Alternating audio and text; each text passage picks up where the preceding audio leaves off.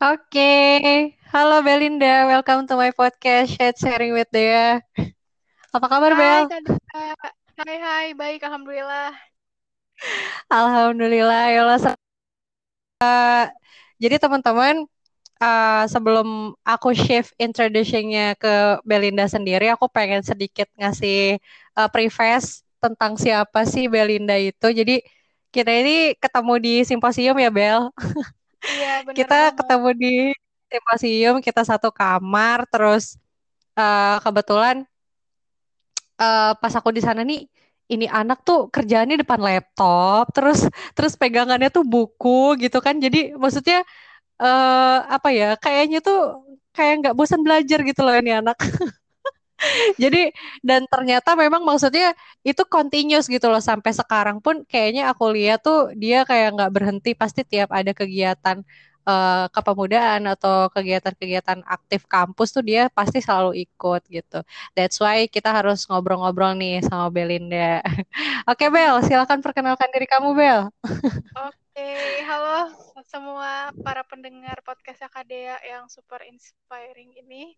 Aku Belinda, uh, aku sekarang kuliah di FEBUI Fakultas Ekonomi Bisnis Universitas Indonesia, jurusan akuntansi semester 5. Jadi bener banget aku ketemu Kadea, Kadea itu pas di simposium internasional di Malaysia. Jadi waktu itu ceritanya aku nyasar sendiri di kamar anak-anak yang kuliah di luar negeri. Jadi waktu itu sekamar sama Kadea kan dari Pakistan, bener, bener. dari ada yang dari Rusia sama satu lagi dari Thailand eh Filipin Filipin terus aku dari Filipin, Indo Filipin. jadinya itu lah aku ya Iya, terus ya maksudnya eh apa ya? Dia ini kan anak kamu anak berapa Bel? 99 ya kalau nggak salah. 99 apa aku dua 2000 2000 kan? Dia anak 2000 tapi tuh bongsor banget loh. Aku aja hmm, maksudnya dia tuh tinggi dan aduh pokoknya gitu deh udah nggak kelihatan. Dan maksudnya emang uh, Belinda tuh biasanya emang orang semakin tinggi ilmu semakin merunduk ya. Dia nggak terlalu nggak terlalu nunjukin. Jadi gayanya tuh seolah-olah kayak ya udah anak milenial pada umumnya. Tapi kalau kita gali tuh kayaknya banyak taunya gitu ya nggak sih Bel? Kamu begitu.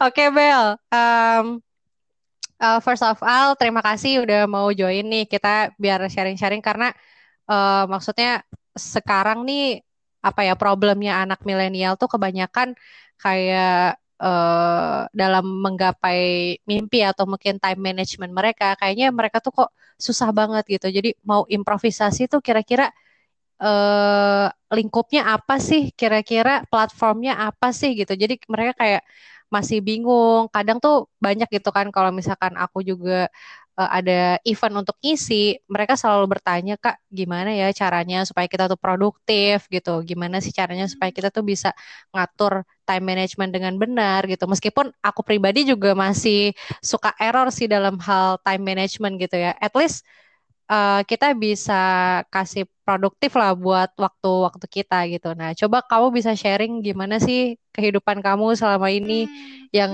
hmm. maksudnya tetap bisa belajar tapi tetap juga bisa aktif gitu sama kegiatan-kegiatan yang kamu jalanin. Oke. Wah, pertanyaannya susah ya. Mungkin kalau aku bisa jawab kayak selama selama pandemi ini kan kayak tantangan banget juga kan buat para milenial ataupun orang yang udah kerja juga. Karena semuanya se semuanya sekarang dari rumah terus digital juga. Jadi tantangan banget. Kadang kalau offline aja suka nggak produktif gitu kan. Gimana kalau misalnya online? Mm-hmm. distraksinya banyak banget gitu kan ya Kak Dea juga. Bener banget. bener nah, banget bener banget. Aku pun ngerasain. Cuman kalau aku mungkin bisa share kedua hal sih yang pertama aku itu uh, dari SMP emang udah dilatih sih sama orang tua sama guru-guru hmm. aku untuk bisa nge-manage waktu dengan baik. Nah, manage waktu dengan baik itu nggak hmm. cuman yang kayak oke okay, besok gue ngapain ya, besok gue gini gini gini. Tapi kayak bener-bener bikin plannya tuh terstruktur banget. Kayak aku bikin plan tuh bagi tiga, hmm. uh, plan mikro, meso, sama makro. Kalau plan mikro tuh aku bener-bener sehari-hari aku tulis per jamnya tuh ngapain kayak contoh hari ini hari ini aku jam 8 pagi sampai jam 11.30 tuh kelas sesi 1 terus ada kosong nih jam 11.30 sampai jam 2 sebelum kelas sesi 2. Nah, itu tuh aku jabarin apa ha yang harus aku accomplish. Maksudnya hal-hal apa yang harus aku kerjain kayak misalnya nyicil paper, nyicil buat lomba ini, nyicil buat aplikasi ini gitu. Nah, itu aku lakuin tiap hari. Nah, itu jadi salah satu tracker aku itu sih tiap hari untuk gak mudah terdistraksi gitu. Nah, mungkin kadang aku sih ngerasa hmm. orang mikirnya ya kalau kayak lu bel kagak ada waktu istirahatnya dong. Enggak juga sih. Aku ngebatesin pokoknya maksimal banget aku ngerjain apa-apa itu kayak jam satu pagi. Jadi setelah jam satu pagi biasanya aku kayak sebelum tidur aku biasa nonton Netflix nonton YouTube sebagai salah satu bentuk self love juga. Nggak kerja doang gitu sehari-harinya gitu. Benar benar benar benar benar. iya kan mungkin kan kak Dia kan juga sibuk nih pasti kak Dia juga nggak mungkin kan kayak tiap hari kerja gitu. Itu kayak mustahil deh hmm. nggak mungkin. Hmm. banget. Nah, iya. Nah, itu mungkin uh, yang pertama gitu ya. Terus kalau meso mm, meso tuh lebih ke kayak jangka panjangnya sih kayak satu dua tahun ke depan. Kayak misalnya mm -hmm. ketika lulus kayak aku minimal IP-nya berapa terus kayak lomba-lomba yang harus aku ikutin tuh apa aja gitu. Nah kalau makaroni yang benar-benar panjang banget kayak S2 mau di mana, mau mau apply beasiswa apa, misalkan LPDP kah atau Fulbright dan sebagainya macamnya. Jadi menurut aku manajemen waktu itu juga terkait sama ini sih uh, apa rencana hidup juga. Hmm. Kayak life vision juga gitu. Mungkin kalau tips kedua gimana tetap produktif tuh ya ini sih uh, apa ya, cari role model. Kayak kadang kalau kita lagi jenuh atau down atau males ngapa-ngapain, ketika kita lihat role model kita tuh tetap apa ya, tetap produktif setiap harinya tuh kadang aku ngerasa terbangun juga gitu loh. Ayo Bel lu nggak boleh mager nih. Masa gini doang mager? Sementara role model lu tuh dari dulu berusaha terus gitu. Nah sebenarnya itu sih yang bikin aku keep striving in juga untuk tetap produktif. Mungkin itu sih kak.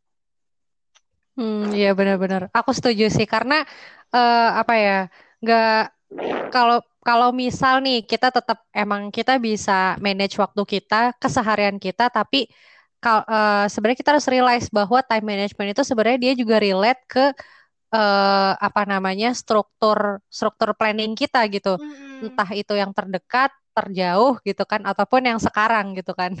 itu bener mm-hmm. banget sih. Terus nih Bel, aku pernah ngelihat salah satu postingan, mungkin ini salah satu miracle juga ya karena kamu orangnya tuh kayak gesit gitu kan, mau cari hmm. ada kegiatan apa nih kira-kira yang bisa aku cari gitu kan atau enggak ada opportunity atau change apa yang bisa kamu gapai gitu. Dan salah satunya itu ketika kamu bisa menghadiri uh, salah satu event di Jepang gitu kan. Hmm. Nah, itu mungkin kamu bisa sharing nih sama teman-teman gitu kan perjalanan kamu tuh orang taunya kamu udah nyampe sono gitu kan tapi mereka nggak tahu nih proses di balik kamu ke sono tuh kayak gimana gitu. Benar-benar. ya ya oke. Oh, jadi mungkin itu perjuangan juga sih sebenarnya karena kayak emang dari uh, eh, SMA aku tuh pingin banget uh, ke Jepang kayak salah satu negara yang aku kagumi juga karena orang-orangnya uh, apa ya uh, orang-orang serius gitu loh kayak workaholic mm. gitu sementara aku suka tipe iya iya benar banget nah tapi kayak semenjak mm. SMA belum belum ada nih dapat kesempatan untuk bisa ke sana dan dibayarin. Aku tuh punya target tuh nggak cuman ke sana, jalan-jalan tapi dibayarin plus di sananya tuh produktif juga gitu loh. Itu kan kayak rada susah kan nyarinya. Jadi pas SMA benar banget. Nah, pas kuliah akhirnya dapatlah kesempatan itu gitu namanya tuh uh, program interkultural youth program atau EYP. Nah, EYP ini hmm. uh, waktu aku daftar itu ternyata uh, ini destinasinya tuh Jepang waktu itu. Terus uh, skemanya tuh fully funded. Hmm. Terus aku apply lah. Nah, apa namanya proses aplikasinya itu waktu itu kayak ada tiga tahap. Tahap pertama tuh tahap administrasi gitu. Kita submit CV sama submit essay juga.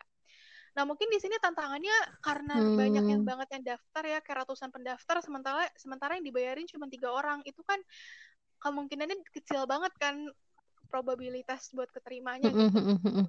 Akhirnya kan mau gak mau CV sama esainya kan harus harus outstanding lah gitu, harus unik, beda dari yang lain. dan bikin si yang pemberi dana untuk ke sananya itu yakin kalau kita tuh kandidat yang tepat gitu kan ya udah waktu itu aku akhirnya uh, coba untuk searching topik-topik yang jarang orang angkat ya emang sih mungkin susahnya adalah cari topiknya risetnya dan mm-hmm. esainya itu uh, 500 sampai 750 kata. Jadi lumayan pendek. Jadi kayak gimana mm -hmm. caranya kita bawa hal bawa hal unik tapi bisa tergambarkan hanya dengan lewat 500 sampai 750 kata. Nah, mm -hmm.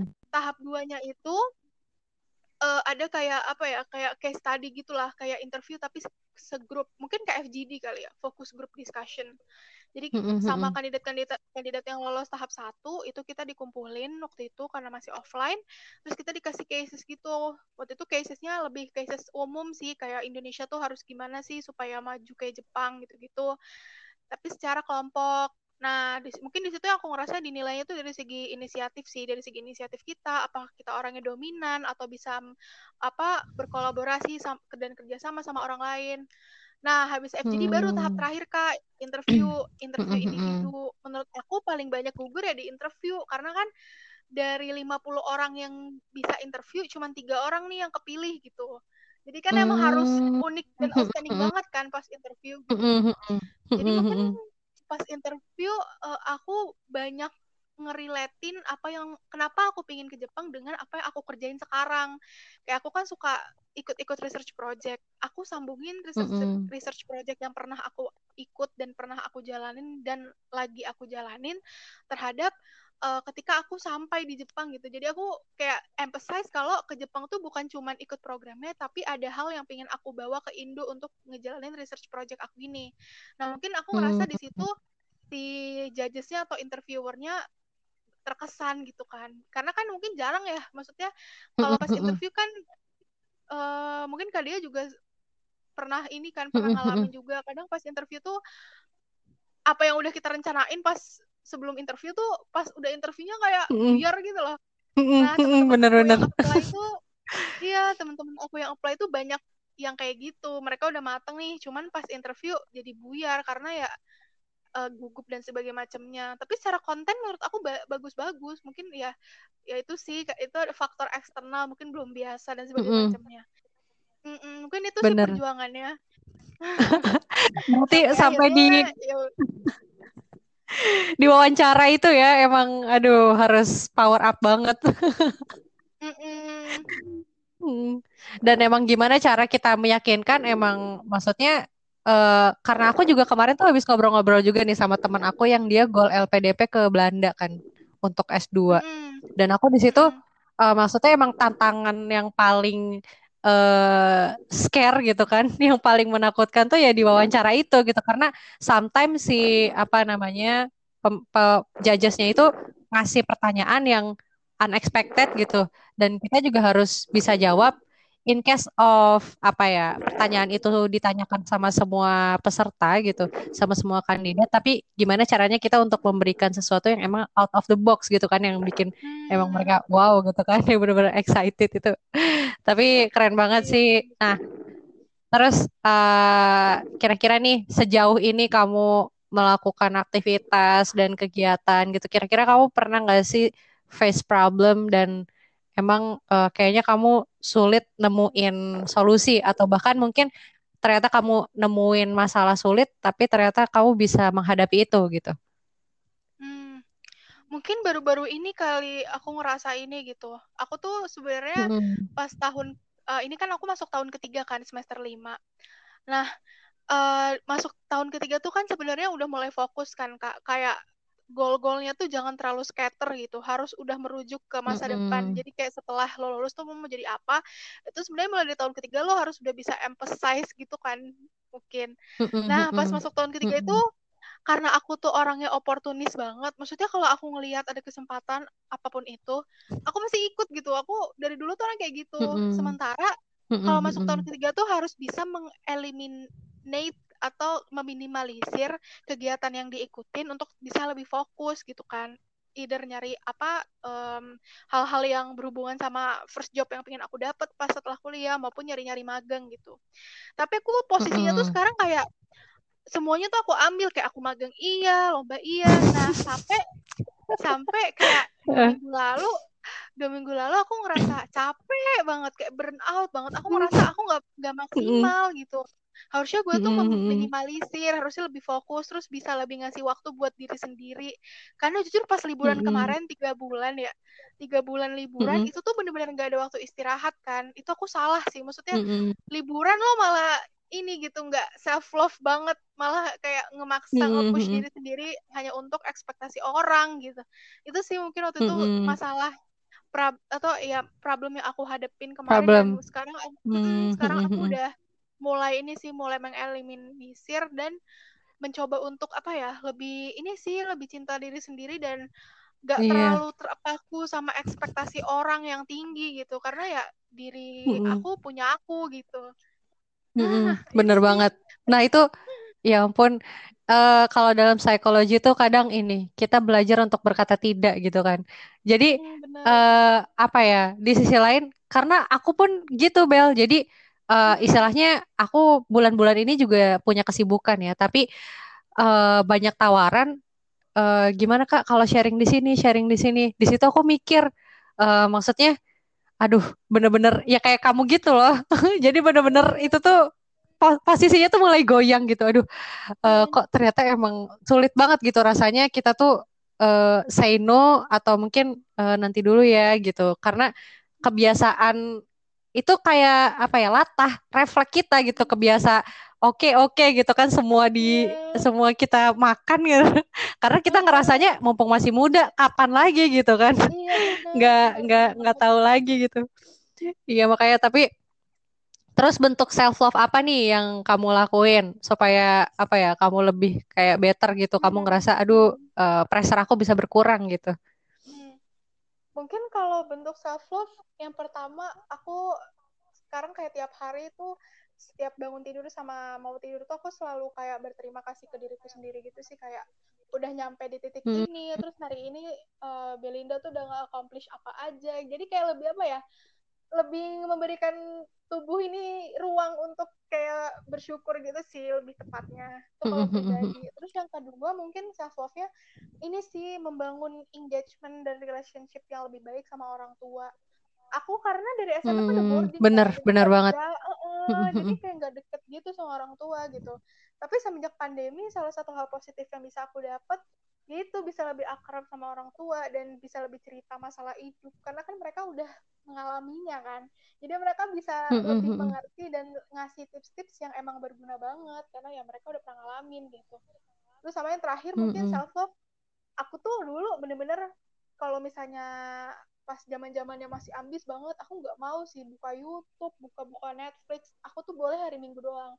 Tapi semenjak aku kayak mm-hmm. mulai apa ya mulai memberikan sedikit waktu segala macam sekarang aku lebih ini sih kayak aku kalau misalnya lagi burn out atau lagi capek aku buka Netflix tanpa harus nyesel. Kalau dulu kan nyesel tuh. Ngapain gue buka Netflix? gitu. Terus yeah. aku malah aduh kayak malah, waktu gue gitu kan ya. Bener. Malah buat Netflix sama YouTube tuh jadi teman aku belajar dan produktif gitu. Jadi kayak aku lebih mengkolaborasikan platform-platform itu dibanding kayak tempat penyesalan gitu sih. Itu bentuk self love sih, hmm. Kak. Bener-bener ya do what you love lah ya. Kita harus apa ya pinter-pinter pinter-pinter nyari celah supaya kita tuh ada selingannya gitu kan. Kalau dalam bahasa Arab tuh ada inama al usri yusro di setiap kesulitan pasti ada kemudahan gitu. Jadi seenggaknya kita jangan jangan ngadepin yang sulit-sulit aja deh gitu kan. Ada juga lah uh, apa namanya yang bikin kita happy juga gitu. Aku pun itu sih, aku juga did itu gitu. Aku sama banget kayak kamu kadang aku kalau udah suntuk banget kayaknya aku perlu komedi deh. Kayaknya aku perlu something yang emang bikin aku cheerful lagi gitu kan. Dan kebetulan aku ekstrovert. Uh, jadi kadang kalau misalkan aku malah menyendiri, itu malah bukan solusi gitu. Jadi aku uh, wah ini udah uh, kayaknya aku harus ngobrol-ngobrol gitu kan. Harus ya kayak uh, saran aku ngobrol sama kamu kayak gini itu juga salah satu apa ya salah satu celah biar kita jadi kayak dapat inspirasi baru gitu kan dapat semangat baru gitu. Uh, oke. Okay. uh, sebelum sebelum kita ke closing statement aku pengen tahu nih kira-kira uh, apa ya goal goal terbesar yang pengen kamu capai di hidup kamu apa sih hmm. dengan kamu yang sekarang gitu kira-kira uh, prospek hidup kamu tuh bakal ke mana gitu dan Kira-kira bisa nggak ya kira-kira kamu mencapai itu gitu? Hmm. Mungkin kalau goal terbesar, oke okay, ini ngomongin prospek dulu kali ya. Kalau prospek uh, dari segi apa ya kehidupan gitu, aku emang uh, punya pilihan untuk uh, jadi wanita karir sih. Jadi aku punya target hmm. ya aku jadi wanita karir dulu, aku ngejar degree dulu, punya uh, income dan apa modal yang sustain, mungkin baru ke jenjang berikutnya membina keluarga gitu kali ya. Itu goal panjangnya gitu itu mungkin prospek aku ke depan tapi goal yang paling gede yang pingin banget aku capai adalah uh, aku tuh pingin pas udah apa ya udah udah mungkin umur 30 40-an gitu ya aku tuh pingin jadi uh, orang yang apa ya um, policy maker mungkin ya jadi aku pingin jadi orang-orang mm. tatanan, tatanan pemerintahan yang punya uh, kewenangan untuk bikin kebijakan-kebijakan publik yang mungkin adil mm. dan lebih melihat eh, warga-warga uh, atau masyarakat yang menengah ke bawah. Nah, aku punya aspirasi di situ. Tapi selain itu juga, selain apa, selain jadi policy maker, aku ingin jadi filantropi sih. Aku ingin punya social initiatives atau foundation untuk bantu anak-anak yang berkebutuhan khusus. Itu kayak goal panjang banget sih. Aku pengen jadi policy maker, tapi aku jadi filantropi hmm. juga. Bisa nggak ya itu apa ya gitu? Mungkin pertanyaan Kadea hmm. tadi. Aku ya menurut aku iya iya sebagai individu mungkin Kadia juga mm. pasti nerapin nilai ini sih kayak kita emang harus optimis gitu kan. Mm maksudnya kayak gak ada yang gak, gak ada yang gak mungkin kecuali emang udah takdir Allah takdir Tuhan. Selama selama belum ada takdir yang datang itu pasti bisa dicapai gitu sih. Jadi aku yakin sih aku optimis. Aku aku dukung banget sih. Karena maksudnya di sisi lain aku tahu gimana ya aku tahu what is in your brain gitu kan. Kamu kayaknya tuh uh, penuh kalau ada sesuatu yang ganjil kamu kerasanya pengen benerin gitu kan. Terus kalau misalkan ada sesuatu ini tuh apa namanya uh, aku nggak bisa nih. Maksudnya ketika kamu punya kebijakan uh, punya posisi di situ kamu akan lebih mudah untuk memberikan kebijakan gitu. Dan uh, maksudnya aku percaya ketika kamu tuh orangnya bukan bukan yang asal asal ngasih ngasih perintah aja tapi kamu pasti uh, riset dulu kamu cari ilmu dari berbagai macam gitu sehingga kamu bisa benar-benar mematangkan kebijakan yang akan kamu ambil suatu saat gitu yang aku baca dari kamu itu sih. Dan kalau untuk apa achieve yang satu lagi kayak kegiatan sosial masyarakat itu ya itu juga itu kegiatan mulia banget sih. Bahkan itu bisa jadi jariah juga untuk kamu ke depannya gitu. Dan uh, you know apa yang kamu sampaikan tadi itu memberikan uh, kebahagiaan yang hakiki. Karena pada apa pada faktanya ketika kita memberi atau kita memberikan kesenangan ke orang lain itu bahagianya double gitu kan. Yang kita yang kita apa ya kita share itu jadi bahagia kamu pun juga jadi ngerasa puas gitu kan ngerasa senang wah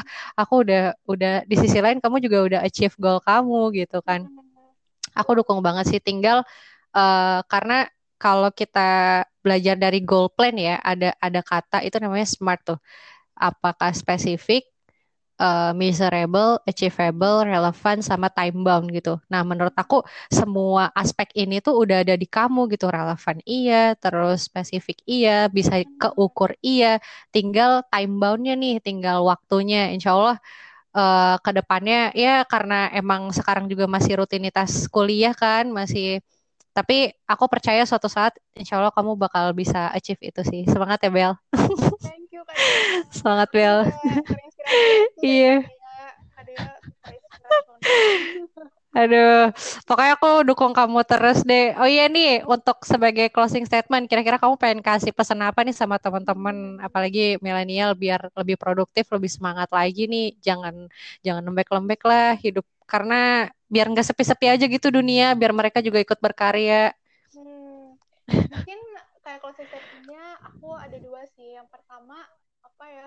Mm -hmm. uh, tumbuhin optimisme terus jangan pernah nge-compare diri sama yang lain. Karena ini salah satu problem gede banget hmm. mungkin kadang juga ngerasa ya banyak anak-anak kayak milenial muda yang punya potensi tapi karena ngelihat orang lain mungkin yang udah lebih hebat atau udah lebih keren jadinya malah minder dan mundur gitu. Padahal harusnya sebaliknya. Hmm, bener banget.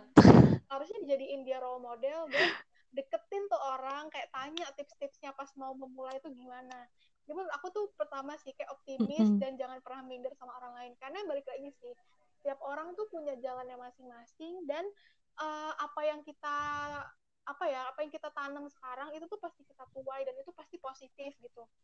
Mungkin kita nggak akan tahu waktunya kapan nih untuk menuai tapi pasti itu menimbulkan efek positif bagi kita di masa depan gitu sama mungkin yang kedua adalah kayak ini dari mama sih. Mamaku tuh selalu ngomong kuncinya tuh duit doa usaha ikhtiar tawakal. Ini juga pasti kak dia udah pernah udah pernah denger gitu kan. Duit duit. Benar-benar. Iya iya. walaupun ini tuh kayak common banget kan doa usaha ikhtiar tawakal. Tapi kalau kita ngimplementasiin empat ini tuh nggak akan ada penyesalan dan nggak akan ada apa ya rasa sedih kalau seandainya kita gagal gitu. Karena balik lagi sih kalau kita udah nyoba tuh kita udah menang sebenarnya. Karena kita udah menang lawan rasa takut mm -mm. untuk kalah. Dia tuh ngerasa kayak doa mm -mm. usaha ikhtiar tawakal kalau ada kesempatan coba sesuaiin sama visi misi hidup. Dan ya tadi yang pertama jangan pernah compare sama orang lain. Karena kayak tiap kita tuh punya jalan spesial gitu sih yang disiapin sama Tuhan. Yang penting kita usaha sama doa gitu. Sih kan mm mendengar podcast KDM. Wah, outstanding, outstanding. claps, claps. Bener banget itu. Aduh, kita apa ya, yang poin orang itu aku pernah baca buku The Magic of Thinking Big. Hmm. Itu dia international bestseller juga dan dia bilang kalaulah uh, manusia ini disuruh untuk menunjukkan kelemahannya gitu kan atau menyebutkan kelemahannya adalah mereka tidak percaya kemampuan diri mereka sendiri gitu. Hmm. Seperti yang tadi kamu bilang, yaitu minder jadi mundur gitu kan. Hmm. Padahal nih kita nggak tahu kalau misalkan kita do first step, siapa tahu itu langkah kita gitu. Hmm. Tapi karena orang udah minder duluan ya udah akhirnya ya udah mundur alon-alon gitu kan. Hmm. Tapi itu benar banget sih dan duit itu juga uh, apa ya kita sering denger. Cuma kalau nggak diingetin tuh bakal lupa lagi gitu dan uh, apa ya itu kayak kalau kita lakuin yang duit yang kamu bilang tadi itu bakal balance sih antara dunia sama akhirat kita gitu ya. Hmm. kita bisa dapetin uh, di sisi doanya dan kita juga bisa uh, apa namanya achieve goal kita dengan tanpa harus khawatir gitu. Karena kita udah ngelakuin semua poin-poin yang ada di sini. Aduh pokoknya inspiratif banget deh. Thank you thank you banget Bel atas waktunya udah mau sharing sama kita-kita sama teman-teman nih. Oke. Okay. Uh, eh, sekarang kesibukan apa nih abis ini? Abis ini, abis ini aku ada technical meeting nih. ada Oke, oke. Tugas gitu. Oke sih, pokoknya semangat terus ya. Thank you banget udah share spiritnya sama teman-teman.